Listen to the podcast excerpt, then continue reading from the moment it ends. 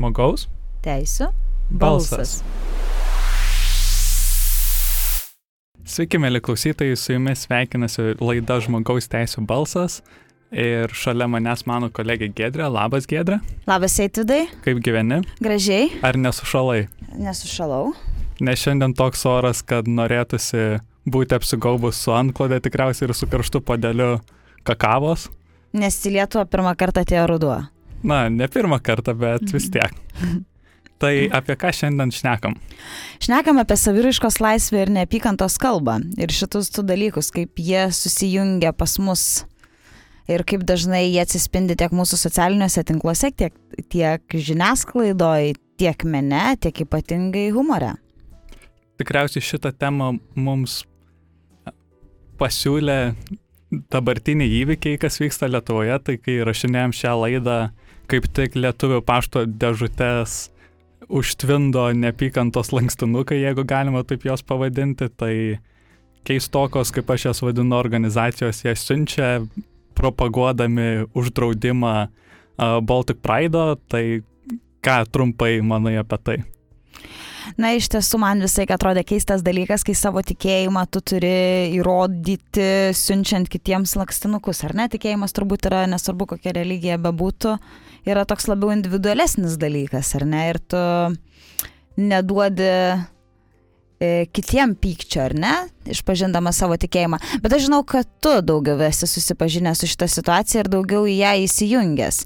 Tai gal truputėlį daugiau ir papasakok apie patį turinį. Kasgi buvo tokio blogo tame lankstinuke? Tai tame lankstinuke naudojama ta tradicinė, jeigu galima tai pasakyti, retorika prieš LGBT žmonės, tai kad tokie renginiai kaip Baltic Pride'as kažkokiu tai būdu pakenks šeimos sampratai ar pakenks vaikams, kas aišku yra absurdas ir, na, bent jau žmogaus teisų kontekste tai yra neįtikėtinai absurdiška, bet, na, atsiranda vis tik tokių žmonių, kurie taip masto. Ir kuo aš tik galiu pasidžiaugti, ką jie patys tame lankstinuke nurodo, tai kad mūsų valstybinės institucijos ir savivalda jau nebereaguoja į tokias tokius iššokimus, jeigu taip galima sakyti, ir neriboja tam tikrų socialinių grupių, šiuo atveju LGBT žmonių teisės rinktis. Tai tas yra įdomu, aišku, kur tai nueis, reikės dar pažiūrėti, ar tos peticijos kažką padarys, tikėtina, kad ne. Nes ir Europos žmogaus teisų teismo praktika sako, kad tokios peticijos tikrai nieko negali padaryti, bet aišku, reikės pažiūrėti, kas yra sveikintina, tai žmogaus teisų organizacijų siekis siūsti meilę žinutę jiems atgal, o ne nepykantos. Tai, kiek Mhm. žinau, antradienį, kaip tik šios savaitės, siūs lankstinukus jiems atgal su širdelėmis vaivarykštinėmis, na, kas iš esmės prieštarauja jų idėjai, bet iš kitos pusės yra gana gražu. O kaip tu manai, ar valstybinės institucijos vis dėlto turėtų reaguoti? Ir jeigu turėtų, tai kaip? Iš tikrųjų nežinau, kas šiuo atveju yra geriau, nes iš vienos pusės reaguoti jie turėtų tai, kad jie turėtų galbūt pasisakyti prieš neapykantos kalbą, bet iš kitos pusės, jeigu jie reaguotų, jie suteiktų platformą tai pačiai neapykantos kalbai galbūt dar toliau netgi sklisti. Ir kaip tu manai, tada organizacija, ta, ta organizacija, tas institutas ar ne, kuris siuntė lankstinukus, vis dėlto jie turi tokią teisę. Nes viena vertus tai juk yra jų nuomonės išreiškimas ir savo nuomonę jie dalinasi su žmonėmis, galbūt tai nėra nieko neleistino. Iš vienos pusės taip galima ir taip žiūrėti, nes, na, lyg ir niekas nedraudžia siūsti lankstinukus su tavo nuomonė, nebent žmogus tų lankstinukų gauti tikrai nepageidauja, kas yra. Turiu iš- omeny ant pašto dėžės yra užsiklijavęs, taip, taip, taip. Bet čia turbūt galbūt ne tas atvejis ir čia būtų tik tai išimtis, ar ne? Taip, tai, na, tie lankstinukai yra tikrai pakankamai įdomus reiškinys, kai yra ideologiniai, jie turiu omeny, pavyzdžiui, kad ir religinės tematikos lankstinukai, na, dauguma žmonių jų gauti nenori, bet iš esmės ten nieko blogo lyg ir nėra. Tai, na, tikriausiai kaip ir su visa nepykantos kalba, taip ir šiuo atveju tos ribos, na, jas labai sunku nustatyti. Teisingai, pri- pritariu turbūt ir e, daugelis teisininkų tau pritartų. Tik įdomu man, kaip tau atrodo, kaip galima apibrėžti, kodėl ten buvo neapykantos kalba, turiu omenyje lankstinuke. Na, mano nuomonė, Kokie požymiai? Tai neapykantos kalba tame lankstinuke pasireiškia tuo, kad na, pat, tam tikra informacija, kad yra žalojami vaikai ir šeimos vertybė, yra pateikiami taip, tarsi tai būtų absoliuti tiesa, nors akivaizdu, kad tam tikra socialinė grupė, na šiuo atveju plus prisijungia prie LGBT socialinės grupės ir žmogaus teisų visi aktyvistai, sako, na ne, pažiūrėkit, tai nėra tiesa, tai niekada nebuvo tiesa ir niekada nebus tiesa. Tai ką jūs kleidžiat yra elementariai, na, neteisinga. Tai dezinformacija, dezinformacija, ar ne? O kaip dezinformacija tavo nuomonės siejasi su nepykantos kalba? Tai tikriausiai galima matyti visokių pjūvių. Tai aišku, vienais atvejais neapykantos kalba ir dezinformacija yra vienas ir tas pats, kitais atvejais tai gali būti visiškai skirtinga, nes kartais to žinutės, dezinformacijos ir neapykantos kalbos skirtos visai ne tą pačią auditorijai. Kartais, na, su neapykantos kalba siekiama įžeisti kažką, o dezinformacija gali būti, na, propagandinis įrankis galbūt netgi kažko, kažkam kitam naudojama. Jeigu paklaustų manęs, tai aš manau, kad vis dėlto šitos dvi kategorijos iš tiesų itin siejasi ir neretai viena iš kitos yra išplaukiančios, nes ir siekiant paskleisti kažkokią nepykantą, sumenkinti tam tikrą grupę, yra pasitelkiama dezinformacija. Tai mano nuomonė, būtent ir šiame lankstinuke buvo pasinaudota visiškai tokiu scenarijumi, jog buvo pateikta neteisinga informacija, kaip mes žinome, ir koks tikslas - sumenkinti mažumą. Taip, ir čia labai svarbu, kad jie naudoja tą strategiją, kad šeima ir vaikai Lietuvos visuomenėje tai yra didžiulė vertybė, tikriausiai ir apskritai pasaulyje, visose visuomenėse. Ir, na, mums labai skauda, kai kažkas kesinasi į tas vertybės ir tokiu būdu labai lengva pastatyti tam tikrą socialinę grupę prieš visą visuomenę, tarsi jie būtų priešai, nors realiai tos tos priešingybės lyg ir nėra.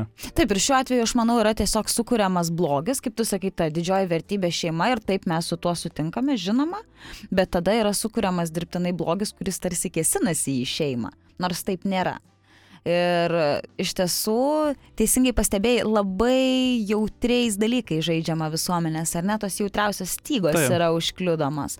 Tai vis dėlto, jeigu mes grįžtam šiandien prie mūsų tos didžiosios temos, ar ne, ir mes tarsi pastatome ant svarstyklių e, du dalykus. Tai viena, vienoje pusėje turime saviraiškos laisvę, kitoje nepykantos kalbą. Tai ką reikėtų pasakyti, kad saviraiškos laisvė tai yra ne tik Lietuvos vertybė, ne tik Lietuvoje pripažįstama vertybė, tai yra ir Europos žmogaus teisų konvencijos dalykas, taip pat ir Junktinėse Amerikos valstijose saviraiškos laisvė ir žodžio laisvė yra itin svarbus pamatiniai dalykai. Tačiau nepykantos kalba, toks kaip dalykas, kaip tu ir sakei, labai sunku apibriežti, kada nepykantos kalba jau peržengia saviraiškos laisvės ribas ir turi būti baudžiama. Ir turbūt šiandien mes ir stengsime atsakyti į klausimą, kada nepykantos kalba yra jau nebe saviriškos laisvė ir kada ji yra neteisėtas dalykas, kada jinai yra baisus dalykas ir kada jinai turi būti baudžiamas dalykas. Taip, tai gal dar paminėti reikėtų, kad apie saviriškos laisvę ir apsaugą nuo neapykantos kalbos dažniausiai kalbame demokratinėse visuomenėse, tai autoritarinėse režimuose apie saviraiškos laisvė pilna tikrai nederėtų kalbėti ir tikriausiai būtų ironiška apie tai išnekėti. Tai čia toks šiek tiek intarpas. Taip. Ir replikuojant į tavo įvadą, tai ką aš sužinojau besiruoždamas laidai, kas man labai patiko, tai kaip JAV traktuoja saviriškos laisvę apskritai ir apsaugą nuo neapykantos kalbos. Tai labai elementariai tai apibrėžus, tai kad saviraiškos laisvė, žodžio laisvė tave saugo tik nuo valstybinio įsikišimo, kad tu gali kritikuoti savo valdžią tiek vietinio lygio, tiek aukštesnio nacionalinio lygio, tačiau tu negali naudoti žodžio laisvės prieš kitą žmogų, tu negali jo įžeisti orumo ir panašiai. Tai kaip tau toks apibrėžimas? Na, Gal aš negaliu būti čia per daug subjektyvi, bet šitą apibrėžimą aš taipogi girdėjau ir niekam turbūt nepaslaptis, kad e, JAV vis dėlto į žodžio laisvę ir saviraiškos laisvę žiūri, sakykime, plačiau negu Europos tradicija, ar ne? Ir jeigu mes atsiriamėm į Europos žmogaus teisų konvenciją ir Europos žmogaus teisų teismo praktiką, mes galime pastebėti, kad vis dėlto mm, saviraiškos laisvė turi platesnį E, lauką Junktinėse Amerikos valstijose. Ir būtent e, prie Europos žmogaus teisų teismo praktikos, ką aš pastebėjau, dažniausiai daug kas atspindi viešą interesą. Tai reiškia, kad viešasis interesas yra kaip pagrindas, e, kada galima riboti saviraiškos laisvę. Tuo tarpu Junktinės Amerikos valstijos į šitą dalyką žiūri plačiau ir saviraiškos laisvė yra suprantama plačiau. Ir nepykantos kalba dažnai yra galbūt labiau e, moralinis, net, moraliai neteisingas dalykas, o ne teisinė kategorija. Ir lyginant šias dvi tradicijas, sunku būtų pasakyti, kuri yra geresnė ar blogesnė. Tačiau turbūt pačią praktiką diktuoja šalies istorija ir šalies patirtis. Nors e, abi tarsi abu kontinentai, ar ne, abi, abi šalys, sakykime, plačiaja prasme, yra ganėtinai demokratiškos, tiesiog va čia ir pamatome lygindami, kaip tam tikrom situacijom išsiskiria požiūris į tą demokratiją. Iš tiesų taip, aš dabar galvoju, galbūt Europoje tai veikia, na, tas tradicinis Europos žmogaus teisų teismo konceptas, kad jeigu Europoje nėra sutarimo, pavyzdžiui, kas yra nepykantos kalba, tai šalims yra paliekama didžiulė diskrecijos teisė. Tai tikriausiai tai šitas veikia pas mus Europoje, nors aš praktiką Europos žmogaus teisų teismo šiuo klausimu nesu taip labai įsigilinęs. E, taip, ir iš tiesų e, dažniausiai koks dar yra dalykas, manau, kas yra svarbu, vėlgi grįžtant prie istorinės perspektyvos, e, Junktinės Amerikos valstybės, valstijos visą laiką pabrėžia, kad na štai žodžio laisvė mūsų šalyje ir tarsi valstybės vienas iš svarbiausių identiteto e, aspektų yra būtent žodžio laisvė. Todėl jinai yra pastatoma kaip aukštesnė vertybė.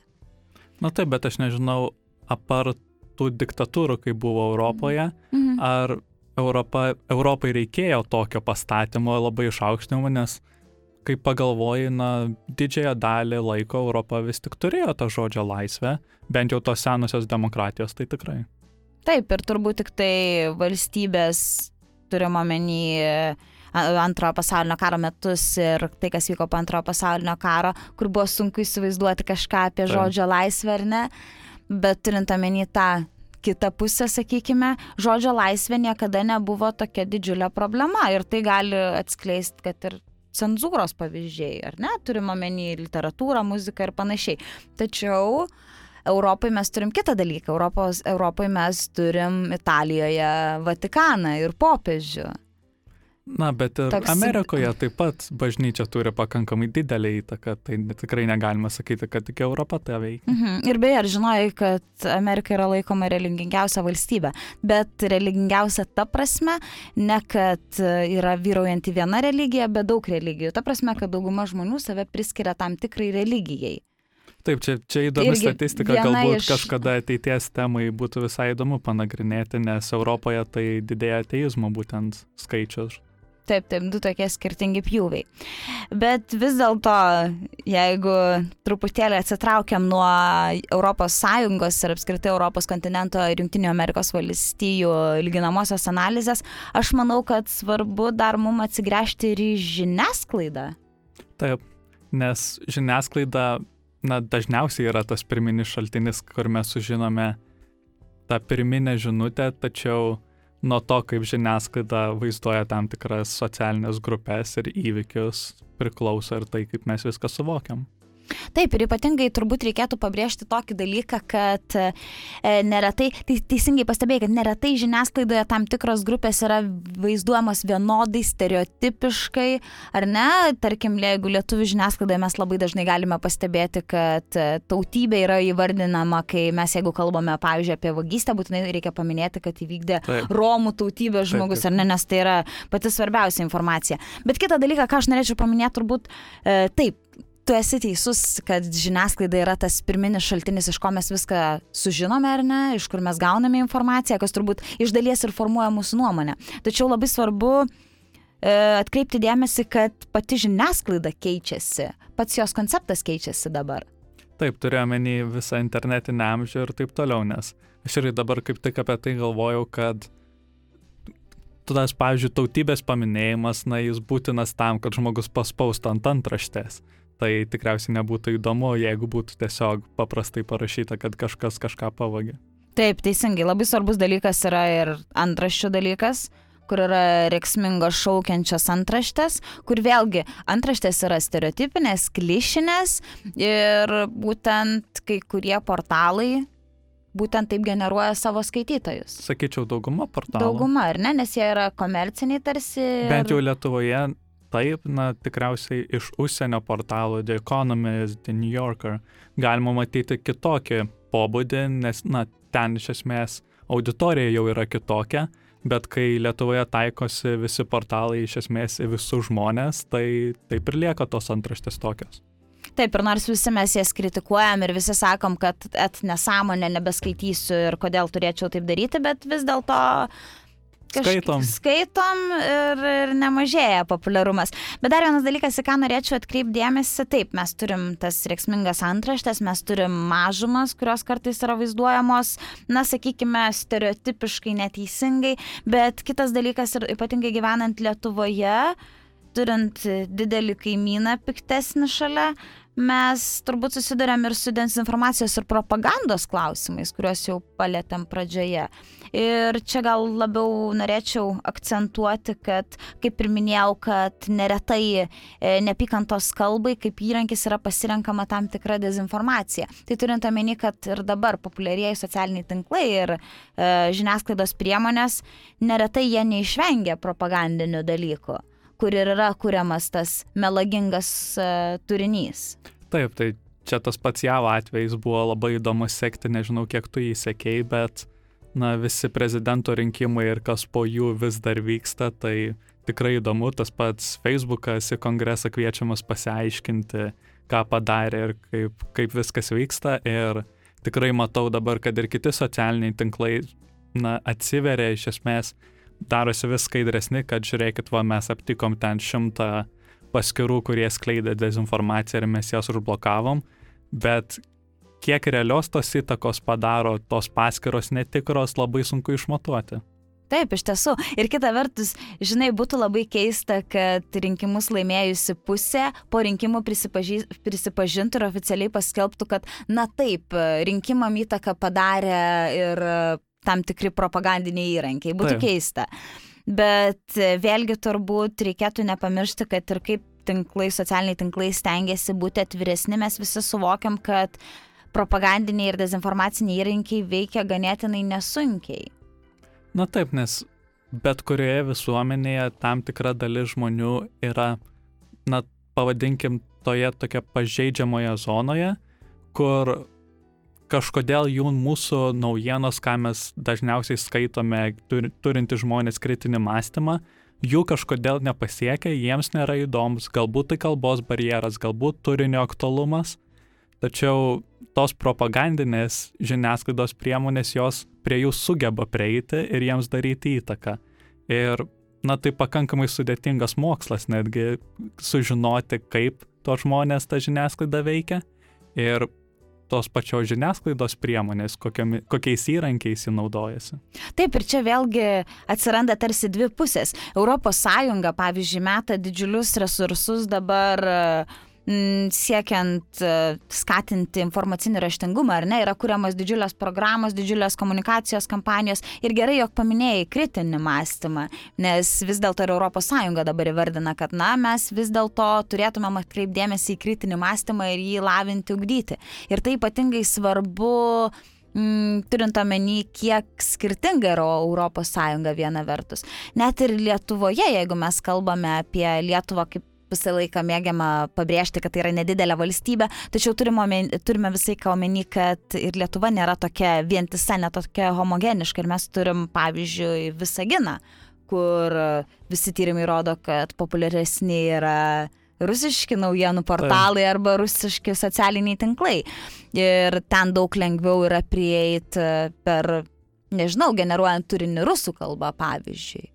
Taip, bet iš kitos pusės, na, tarkim, atsistokime į valstybės institucijų batus, na, ką realiai jie gali padaryti. Jeigu jie užblokuotų, pavyzdžiui, tuos visus tinklus, na, tai irgi sukeltų didžiulį pasipiktinimą, o tomis švelniosiamis priemonėmis, minkštosiamis priemonėmis prie tų žmonių prieiti taip pat yra labai labai sunku. Nes, na, ta projektinė visa patirtis, kad ir nevyriausybinė organizacija rodo, kad to žmonės pasiekti, na, tikrai yra žiauriai sudėtinga.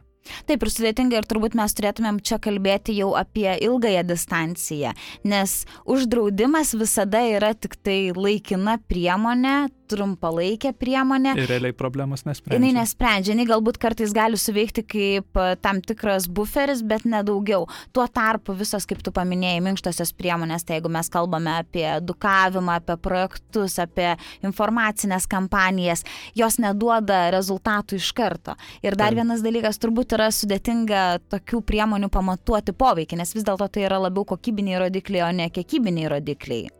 Taip, ir tada tos pačios valstybinės institucijos, na, jos reikalauja tų rodiklių, kad kažkaip išmatuokit, ką jūs padarėt, pavyzdžiui, iš nevyriausybinio organizacijų, bet kaip ir minėjau, ir to žmonės pasiekti yra labai sunku ir galų galiai išmatuoti tą rezultatą, o tas rezultatas, na, neretai jis pasirodo po 10-20 metų. Taip ir vis dėlto, juk turbūt girdėjai ne kartą, kaip yra sakoma, kad, na, vis dėlto mes nieko nepadarysime dėl kažko, nes mes vis dar turim tų sovietų liekanų, ar ne, pas mus vis dėlto turi pasikeisti karta ir kita karta ir tik tai tada viskas bus gerai.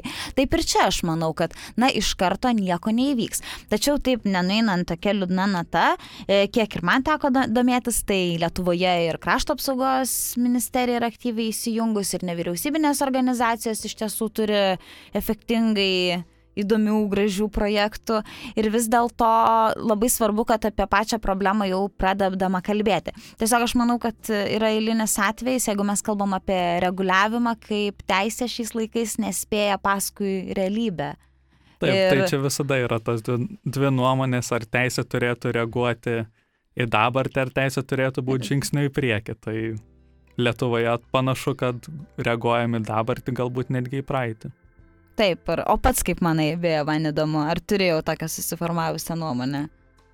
Na, bent jau žmogaus teisų prasme ir Lietuvos kontekste man norėtųsi, kad Lietuvos teisinė sistema tikrai būtų žingsniu į priekį, pavyzdžiui, vadovautųsi tarptautiniais standartais, Europos standartais, ko bent jau kol kas tai nematau, bet tikėkime, kad su laiku bus ir tai.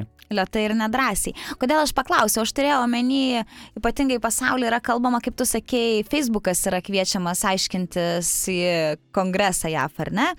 E, man įdomu, kaip tu manai, ar turėtų valstybė reguliuoti kažkaip socialinių tinklų veiklą ir apskritai, kas turėtų reguliuoti socialinius tinklus. Ir, o galbūt jie jau pakankamai yra sureguliuoti ir viskas yra puiku. Tai vad labai sudėtingas klausimas iš tikrųjų, nes kad reguliuoti kažkuria prasme tai tikrai turėtų, na, pradžiai galbūt ekonominiai dalykai, mokesčiai, pelnas ir taip toliau, bet veikla taip pat turėtų būti reguliuojama, aišku, jeigu kažkuriame socialinėme tinkle yra daromi veiksmai, kurie pažeidžia įstatymus, faktas, kad valstybė turi į tai reaguoti. Tačiau, kai tas pats Facebookas yra tarptautinis tinklas, tai tampa labai labai sudėtinga. Nes galbūt Facebooko serveriai, na tarkim, stovi Airijoje, o lietuviai jungiasi prie to serverio Airijoje. Ir tada kas atsakingas? Airija, Lietuva. Labai Pats Zuckerbergas turi ateiti. Taip, ar jav būstinė Facebooko. Tai čia labai labai sudėtinga ir kyla daug klausimų, bet manau, patys socialiniai tinklai turėtų imtis kažkokių priemonių, jeigu kalbant apie būtent nepykantos kalbą, kad reguliuoti tos dalykus, tai ruošiantis laidą aš skaičiau iš tikrųjų pačią Facebooko, na, tinklaraščio įrašą, jeigu galima tai pavadinti. Tai jie aiškino būtent apie nepykantos kalbą, kodėl jie reaguoja, kaip jie reaguoja. Ir iš esmės visur yra labai labai daug klaustukų.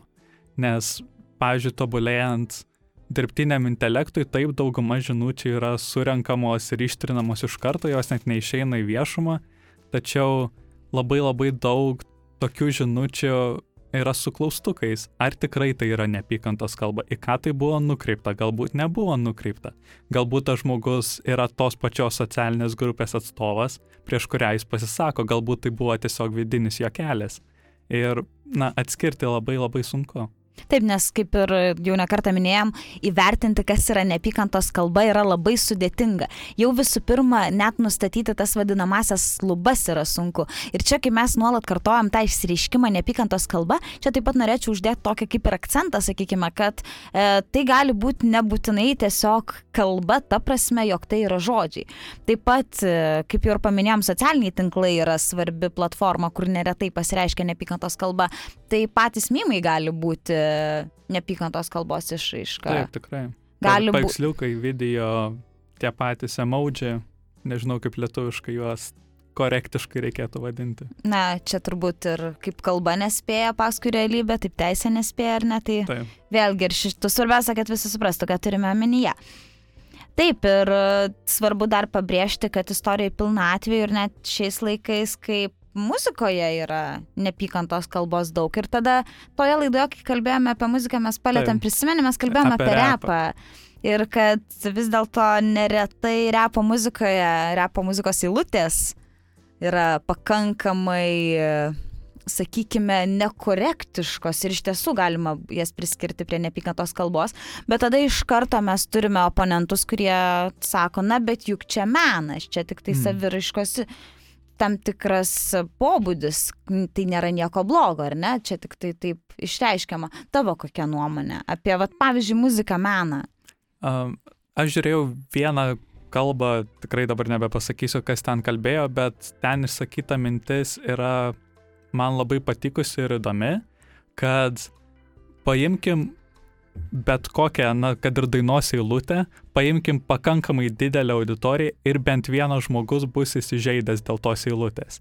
Tiesiog reikia pakankamai didelės auditorijos. Tai manau, čia galim pritaikyti tą patį posakį, kad vieniems tai yra gerai, jie tam neprieštarauja, kitiems tai gali būti labai žaidu. Ir vėlgi, ta linija yra labai neaiški, niekada nežinai, kur ją reikėtų brėžti. Galim prisiminti kai kuriuos atvejus. Uh, pavyzdžiui, Blurred Lines daina, ne, nežinau ar būsi girdėjęs iš Taip, popso. taip, taip, taip. Tai Ir ten tikrai... videoklipas. Taip, videoklipas ir pati daina, nu ten tikrai buvo kilęs skandalas. Ten jau matėsi, kad didžiai visuomenės daliai yra, na, nepriimtina ta daina, bet vis tiek radio stotis ją grojo, buvo top dešimtukose ir taip toliau. Tai labai sunku pasakyti, ar daina visuomeniai patiks vienas dalykas, ar kažką jį įžeis antras. Ir trečias dalykas, ar visuomenė kažką padarys, jei jiems tai nepatiks. Nes būtent tos dainos atvejais, man atrodo, parodo, kad, na, dalis visuomenės buvo nepatenkinta, bet, na, tiek pelnui, tiek radijos sutims, tiek kitiems dalykams tai nulis įtakos. Dar aš norėčiau pridurti gal turbūt tokio tipo dainoms ir net nebūtinai tokio tipo, bet ir apskritai kontroversiškumas yra didžiulis pliusas reklamai, ar ne? Taip. Kasgi būtų, jeigu tavo daina pasirodo ir tik tai ją mėgsta keli žmonės, kurie domisi muzika, bet e, neįvyksta jokio, sakykime, žemės drebėjimo. Nes čia iš esmės gaunasi tas pats efektas, kad vienas dalykas, o žiūrėk, kokia gera daina, nueik paklausyk. Kitas dalykas, o žiūrėk, kokia tragiška daina ar ko, kokia nepykantos pilna, žiūrėk, paklausyk. Ir vis tiek eina pinigai į reklamą, pavyzdžiui, YouTube. Taip, nes pasiekiamumas vis Taip. dėlto tik tai didėja. Ir aš manau, kad taip, taip, vienas iš tokių išraiškų yra, taip gali būti muzika, gali būti kinas, bet dar vienas dalykas, ką taip atskirai norėčiau skirti, yra humoras. Ir vienas iš tokių dalykų ir Lietuvos humoro senajame folklore, gal net nebūtinai senajame. Galbūt, žinai, galbūt nesenajame mes turime pavyzdžių, kai tam tikros mažumos yra iš tiesų pajuokiamos, gal to net nesuprantant, ar ne? Aš nen- nenoriu sakyti, kad negaliu žiūrėti, žiūrėti, klausyti lietuviško humoro, nes tai yra kitas lyg. Na, bet iš tikrųjų man labai yra sunku didžiąją dalį Lietuvos humoristų klausyti, nes jie vis dar naudoja tas klišės, tos stereotipus ir, na taip, jie tą savo auditoriją, kurią jie surenka, jie prajuokina, bet aš tikiu, kad dauguma kritiškiau mąstančių žmonių vis dėlto klausosi užsienietiško humoro šou ir, na, nes ten yra daug kritiškesnis mąstymas ir juokeliai, na, atleiskit, kad taip išsireiškiu, bet kito lygio. Aš nesakau, kad visi Lietuvos humoristai yra tokio lygio, bet, na, dėja dauguma taip. Mhm. Ta senoji karta humoristų, jeigu vėlgi folkloras, kaip tu sakei, na, ten irgi buvo kitokie juokeliai, nepasakyčiau, kad jie visada naudojo tos stereotipus, galbūt čia daugiau naujosios kartos dalykas. Ten, man atrodo, humoras buvo įdomesnis šiek tiek. Mhm, tavo tokia nuomonė Taip. būtų. Aš gal neapsimsiu, žinai, vertinti, kur buvo geriau, kur buvo blogiau, bet kokį dalyką pastebiu, kad ypatingai stand-up komedy e, žanre. Yra pastebimas toks dalykas, kad e, vis dėlto neretai yra juokiamasi iš nusistovėjusių klišių ir stereotipų, kas savaime nėra blogai. Taip. Ir man galbūt tuo ir patinka šis žanras ir ypatingai garsiausi šio žanro atstovai, taip gražiai tariant, e, kaip jie sugeba atrasti vis dėlto tas klišes stereotipus, kurie yra tiek nusistovėję ir juos kvestionuoti dar ir dar kartą. Bet ar dabar Lietuvoje turi kažkokį tokį gerą labai pavyzdį? Mm, diplomatiškai atsakysiu, kad dabar nesugalvoju. Gerai, aš, aš pagalvojau dar po savo tokio pakalbėjimo pikto tarp kabučių, pagalvojau, kad, na, pavyzdžiui, Laisvės TV su savo Satyra. satyra yra, na, naujas vėjas Lietuvoje, jeigu galima taip pavadinti. Aišku, ten buvo bandymų daryti tos vakaro šou, bet tikrai nepasakyčiau, kad tokio lygio, kaip dabar daro Laisvės TV, tai bent jau kritiškai mąstančiai auditorijai tai yra, manau, na, perliukas toks. Bet kita vertus, nemanai, kad galbūt kartais ne pats produktas, pavadinkime, atsiranda būtent tuo metu, bet e, ir visuomenė užauga Taip, iki taip, to, taip, kad jai tikrai. tai patiktų. Nes niekam nepaslaptis ir jokia čia nenaujiena, kad e, ypatingai jaunesnioji karta puikiai kalba angliškai ir dar daugeliu kitų kalbų. Ir pats interneto prieinamumas suteikia galimybę matyti kuo daugiau dalykų. Todėl mes jau nebeapsiribojam tik tai turiniu Lietuvoje, mes žiūrime, kas vyksta ir Prancūzijoje, ir Amerikoje, ir Kinijoje, ir visur, kur tik mums įdomu, ir mes galime palyginti. Todėl galbūt ir pats vartotojas, jeigu galime taip sakyti, e, tampa įnoringesnis. Taip, bet aš manau, tą parodo ir pati platforma, kurią pasirinko Laisvės TV. Aišku, čia mes jau šiek tiek klystam nuo temos, bet jie vis tik veikia internete pagrindę, tai, na, jie tą savo vartotoją surado. E, Taip, turbūt ir tas vartotojas yra ganėtinai, ganėtinai daug tų vartotojų. ką, Taip, ką irgi galima pastebėti. Bet įdomus dar dalykas, jeigu vėl taip grįžtam gražiai prie interneto, kad e, teko domėtis ir girdėti, kad jau tuoj tuoj atsitiks taip, kad mes galėsime net sukurti ir video, kaip kalba žmogus, tarkim koks nors politikas, ir mes galėsim viską taip sumontuoti, kad jisai sakytų tai, ko jisai šiaip ir nesakė. Ir video kad atrodytų- atrodytų, kad jis kalba iš tikrųjų, taip. Taip, tai va čia su dezinformacija ir propaganda, va čia gali tapti didžiulė problema. Tai viena vertus, tu paminėjai tą gerą įgražų pavyzdį, kaip laisvės televizija internete, kaip mes kalbam apie prieinamumą, kad žmogui yra patogu žiūrėti, kada jam patogu, ar ne, kad ir trečią nakties, kad jam yra patogu žiūrėti, kuris jisai bebūtų, turiu omeny geografinius visus nuklydimus. Bet kita vertus, čia šalia pat stovi ir visi tie propagandiniai įrankiai ir vat, tokios inovacijos, kurios irgi labai greitai kinta. E, Dėl to turbūt, e, kad ir kaip mes paminėtume mūsų kritinį mąstymą ir samoningumą, yra labai svarbu ir technologiškai prisidėti prie to, kad mes galėtumėm atpažinti mm, dezinformacijos įrankius. Taip, tai ką tu paminėjai, tas, nežinau net kaip lietuviškai įsireikšti, veido užklijavimas ant kito veido, kuris kalba tai, ką na, autorius to viso Mhm. dalyko nori, kad jis kalbėtų. Tai tai pakankamai naujas dalykas, aš sakyčiau, kad aš jį pats pamačiau gal tik šiemet ir, na, man jis šiek tiek kelia baimę, nes aš neįsivaizduoju, kaip tai bus panaudota ateityje, nes kad na, tos nedraugiškos, pavyzdžiui, Lietuvoje jėgos, tai čia šimtas procentų, kad jie naudos tą technologiją. Ir klausimas tada, kaip paprastam vartotojui tos informacijos, kad ir kritiškai mąstančiam, kaip atsirinkti, kur yra tikra, nes ten, na tikrai neatskirsi, ten turi, nežinau, kokių gebėjimų mm, turėti, kad sugebėtum atskirti.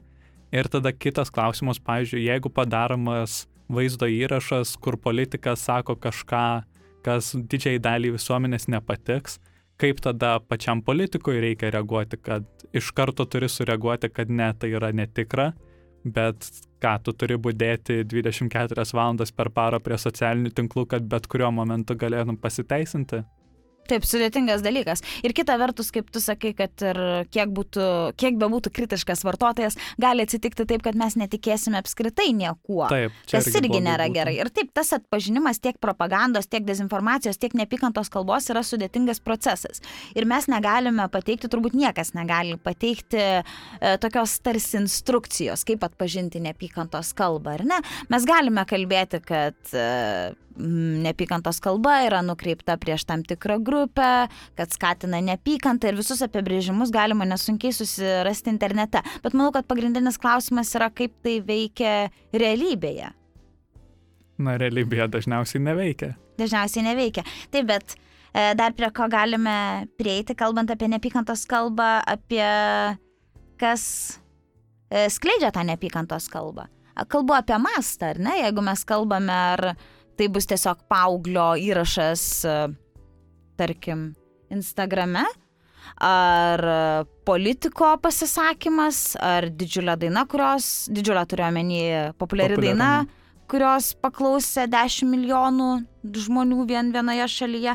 Manau, pats mastas dar yra itin svarbus. Ir žinoma, vienokios taisyklės yra, kaip tu sakei, politikams, tai yra viešiems asmenims, nes vis dėlto turime omeny, kad A, jie yra vieši asmenys, B, juos seka didesnė auditorija vienaip ar kitaip.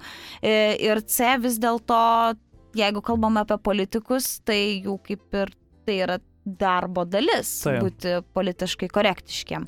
Nors neretai yra sakoma, kad politkorektiškumas gali tapti tokia problema, kai mes tikrai bijosime kažką sakyti, nes bet koks žodis gali kažką įžeisti.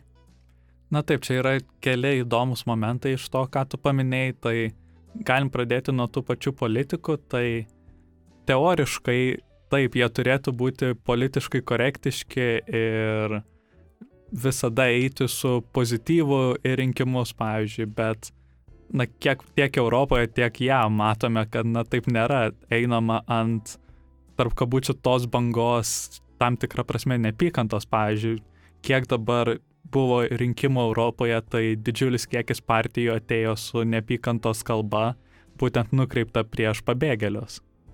Teisingai. Tai, na, teorijoje taip jie turėtų būti saugomi, turiuomenį pabėgėliai, saugomi nuo tos nepykantos kalbos, kurią skleidžia politikai. Iš kitos pusės, na, tai absoliuti žodžio laisvė, nes tai yra politika. Ir kita vertus, aš manau, kad ir pačiam politikui yra, ar politiniai tam tikrai jėgai, ir yra ganėtinai patogu, kaip aš jau anksčiau minėjau, sukurti tam tikrą blogį, tai šiuo atveju, jeigu paminėjai poli, e, pabėgėlius, tai yra pabėgėliai, ir tada ateiti ir sakyti, na, kad aš kovosiu su su jais, ar ne? Taip, šitu... nieko nėra lengviau negu susikurti priešą ir paskui jį nukauti. Ir mes turėjome vieną ekspolitinę partiją, kurie taip pat E, Bandė, bet šiek tiek taip, nepavyko. Ėjo su vienu šūkiu, kad e, sustabdys pabėgėlių antplūdį. Lietuvoje vis dėlto toli nenuėjo. Nėra to antplūdžio, taip nėra. Taip, jeigu apie pabėgėlius kalbant. Bet turbūt turime ir kitą Seimo narį, gerai žinomą, e, kuris irgi ateina į Seimą jau kilintą kadenciją būtent su viena žinute. Taip. Turiu omeny tą Seimo narį, kurį teko iš žmogaus teisų komiteto, kabutėse, išnešti pasirašius peticijas.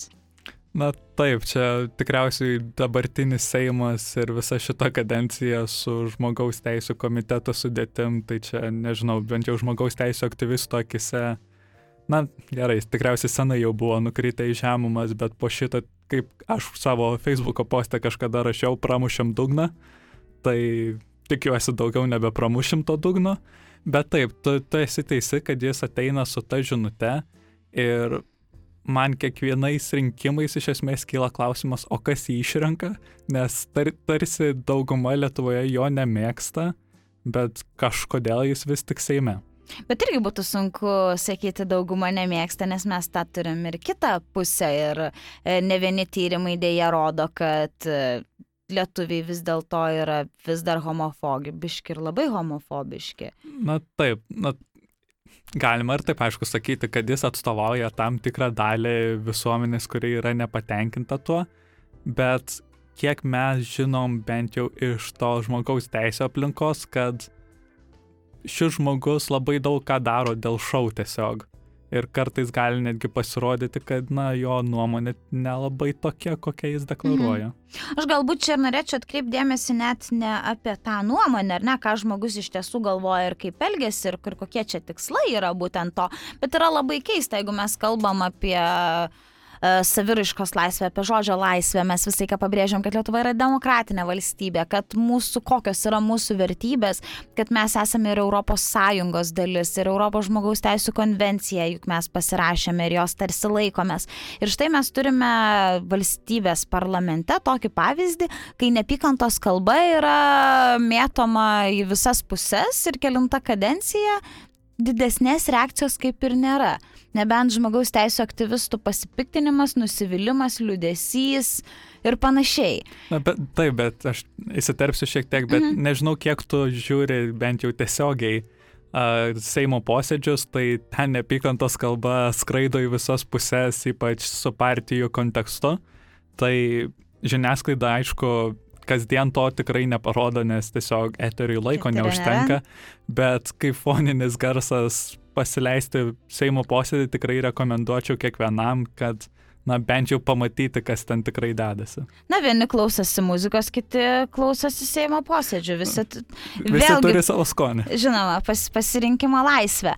Na, bet jeigu grįžtume prie to recepto, ar ne, aš kaip minėjau, instrukcijos turbūt neparašysime, kaip atpažinti neapykantos kalbą, kaip ją reaguoti, bet reikšminga turbūt būtų pakalbėti, ką vis dėlto galime padaryti, kad neapykantos kalbos būtų mažiau ir kad ji nebūtų tokia mm, skausminga. Nes neapykantos, pati neapykanta savaime, tai nėra ką labai svarbu suvokti, tai nėra antonimas meiliai. Tai mes jokių būdų nesakome, kad visus reikia mylėti.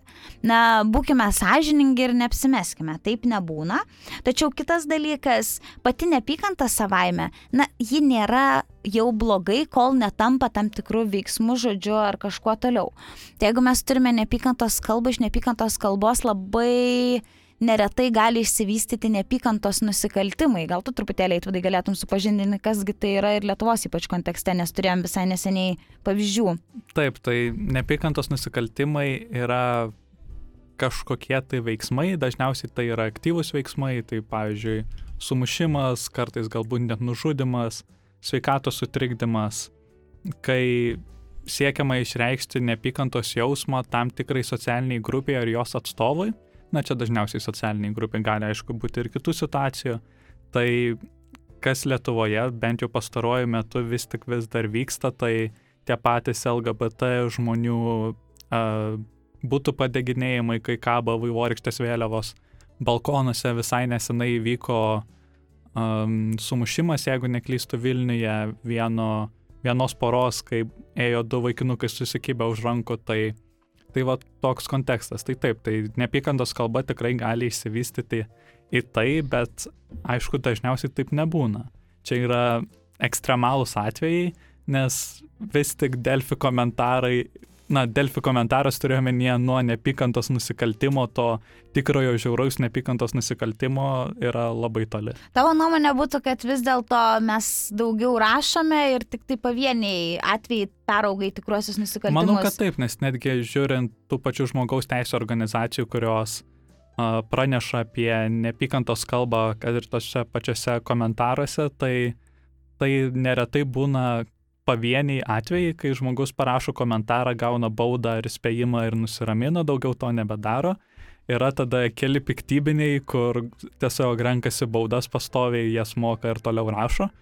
Ir yra na, tie absoliučiai ekstremalūs keli atvejai, kai yra nepykantos nusikaltimai. Aišku, galbūt čia tema kit, kitam kartui, bet na, valstybinės institucijos pas mus su nepykantos nusikaltimais dirba kol kas labai liūdnai. Mm, na, iš tiesų, ne visą laiką net nepykantos nusikaltimai yra kvalifikuojami kaip nepykantos Taip. nusikaltimai. Labai liūdna, kad štai buvo pora atvejų, nors policija, Lietuvos policija ir persigalvojo, bet jie buvo kvalifikuojami kaip viešosios tvarkos pažydimai, jeigu aš neklistu. Taip. E, taip, bet e, man įdomi tavo nuomonė, o ką tu manai, jeigu mes va, taip minime apie portalo komentatorius? E, dėl jų nepykantos tam tikrų komentarų, kaip reikėtų reaguoti? Bausti, nebausti, siūsti lankstinuką kokį nors gražų. Su širdelė. Su širdelė, vis dėlto, kaip manai, kokia, ką reikėtų daryti? Na, tikriausiai vėl atsakymo konkretaus nėra, tai iš vienos pusės tai yra žodžio laisvė ir žmogu, žmogus turi teisę pasisakyti apie tai, ką jis mano perskaitę straipsnį ir su tuo yra viskas gerai, tačiau kai yra nukreipiama nepykanta prieš tam tikrą, pavyzdžiui, socialinę grupę, vėlgi grįžtam prie to pačio, kad na, tai nėra gerai, bet ar, už, ar reikėtų už tai visada bausti, aš irgi net nežinau. Galbūt jeigu tai yra pastovus pasikartojantis taip, pirmą kartą, na, tikriausiai įspėjimas yra tinkamas variantas.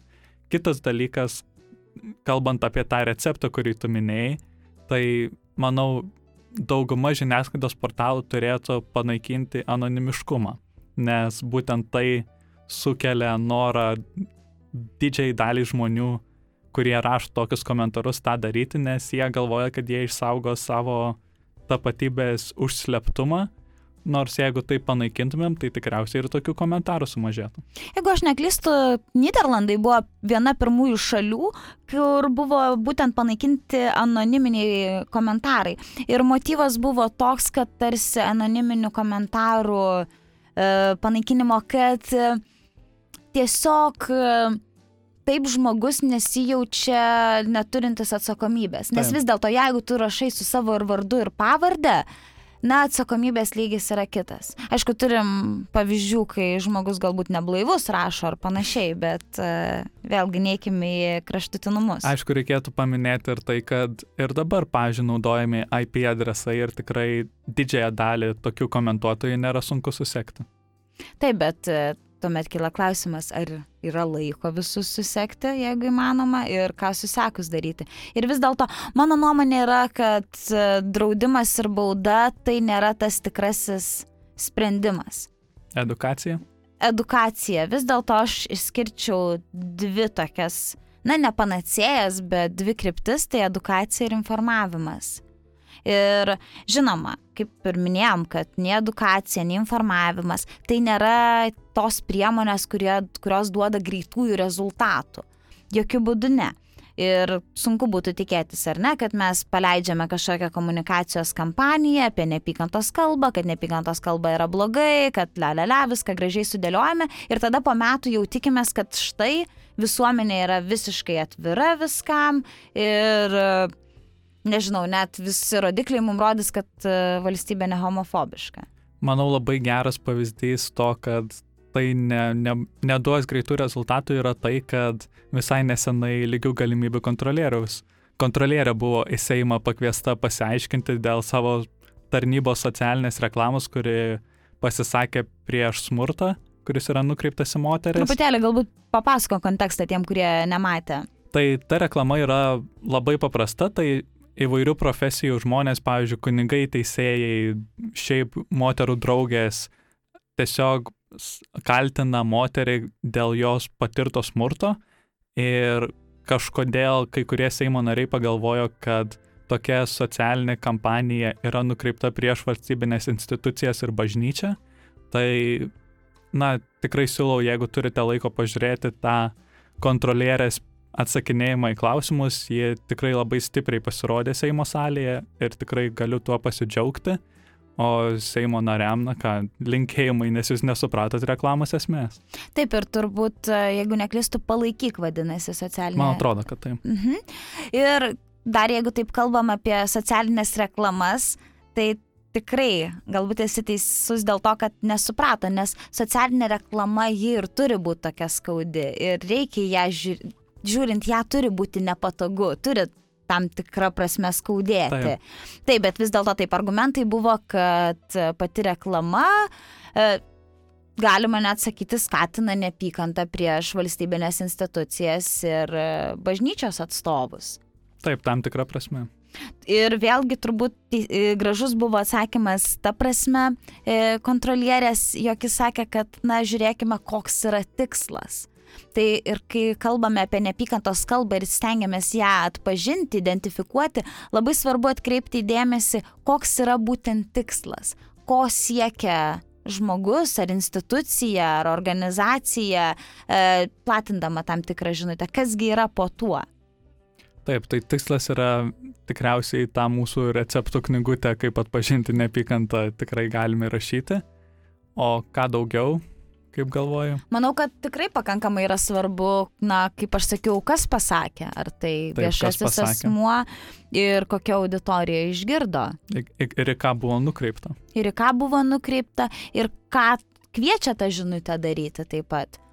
Ir, Taip, nes iš tikrųjų labai svarbu, ar, na, gali būti grasinimas, bet jeigu jis, pavyzdžiui, nėra realiai gyvendinamas, na, tai jis lyg ir neturi reikšmės, taip tai sukelia tam tikrą diskomfortą, bet jeigu neapykantos kalba yra itin žiauri ir tikėtina, kad ji bus įgyvendinta, na, tada jau priemonių reikėtų ir iš valstybinių institucijų.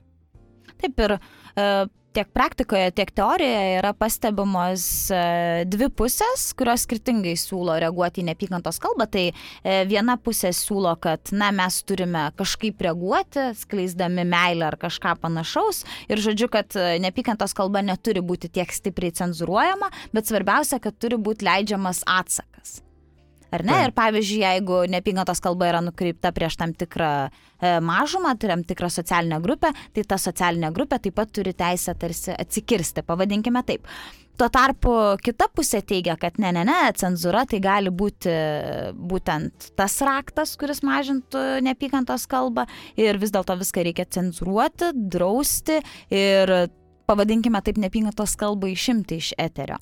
E, Bet vis dėlto mano nuomonė ir kiek man teko domėtis e, tyrimais, e, stipriausi du dalykai, nors ir ne iš karto, kaip minėjau, pasiekiantis tikslą, tai būtent yra informavimas ir edukavimas. Ir turint omeny tiek plačiaja prasme visuomenės, tiek tų, kurie potencialiai gali skleisti neapykantos kalbą, lygiai taip pat ir mažumų. E, Turiuomenį socialinės grupės, labai svarbu, kad ir juos pasiektų informacija, kokias teises jie turi.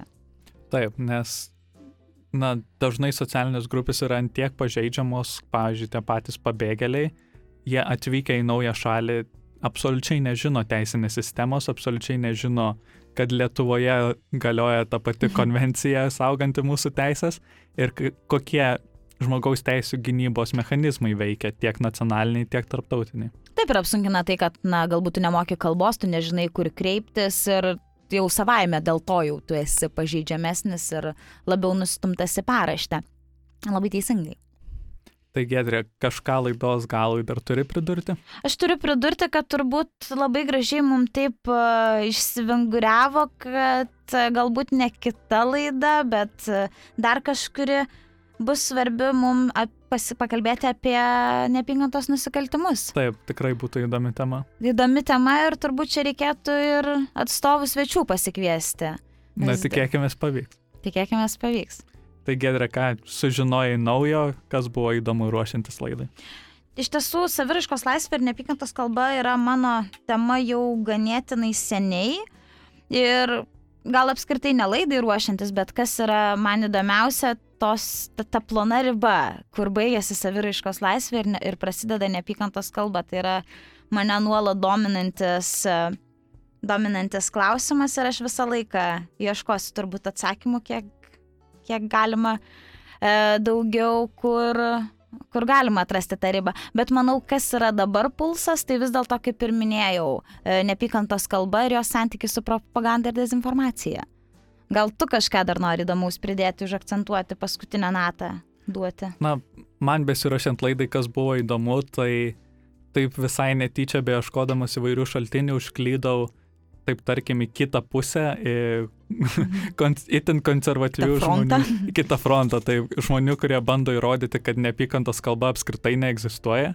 Tai tikrai buvo įdomu bent jau man pamatyti tą kitokį visišką mąstymą. Tai buvo pakankamai įdomu. Tai nežinau, mano rekomendacija, bet kuria tema kartais mes užmirštam tikrai pasiklausyti, išgirsti, ką mano kita pusė. Tai man toks lig naujas atradimas šį kartą buvo, kad, Mhm. na, štai yra kita pusė, kita nuomonė ir visai įdomus jų argumentai. Galbūt ne visada aš jiems pritariu, bet šiandien laidoje kai kurias citatas vis tik panaudojau. Ir neretai bet kurio, bet kuriuo klausimu pusės yra, pusė yra daugiau net negu dvi. Dažniausiai taip. Tai turbūt toks ir patarimas, kad tą kritinį mąstymą su savim nešiotis visur. Taip. Tai ačiū tau, Gedra, už pokalbį. Dėkui, Eitvydai. Apsilankykite mūsų svetainėje www.žtbalsas.lt ir sekite mus Facebook'e. Ačiū ir iki. Iki.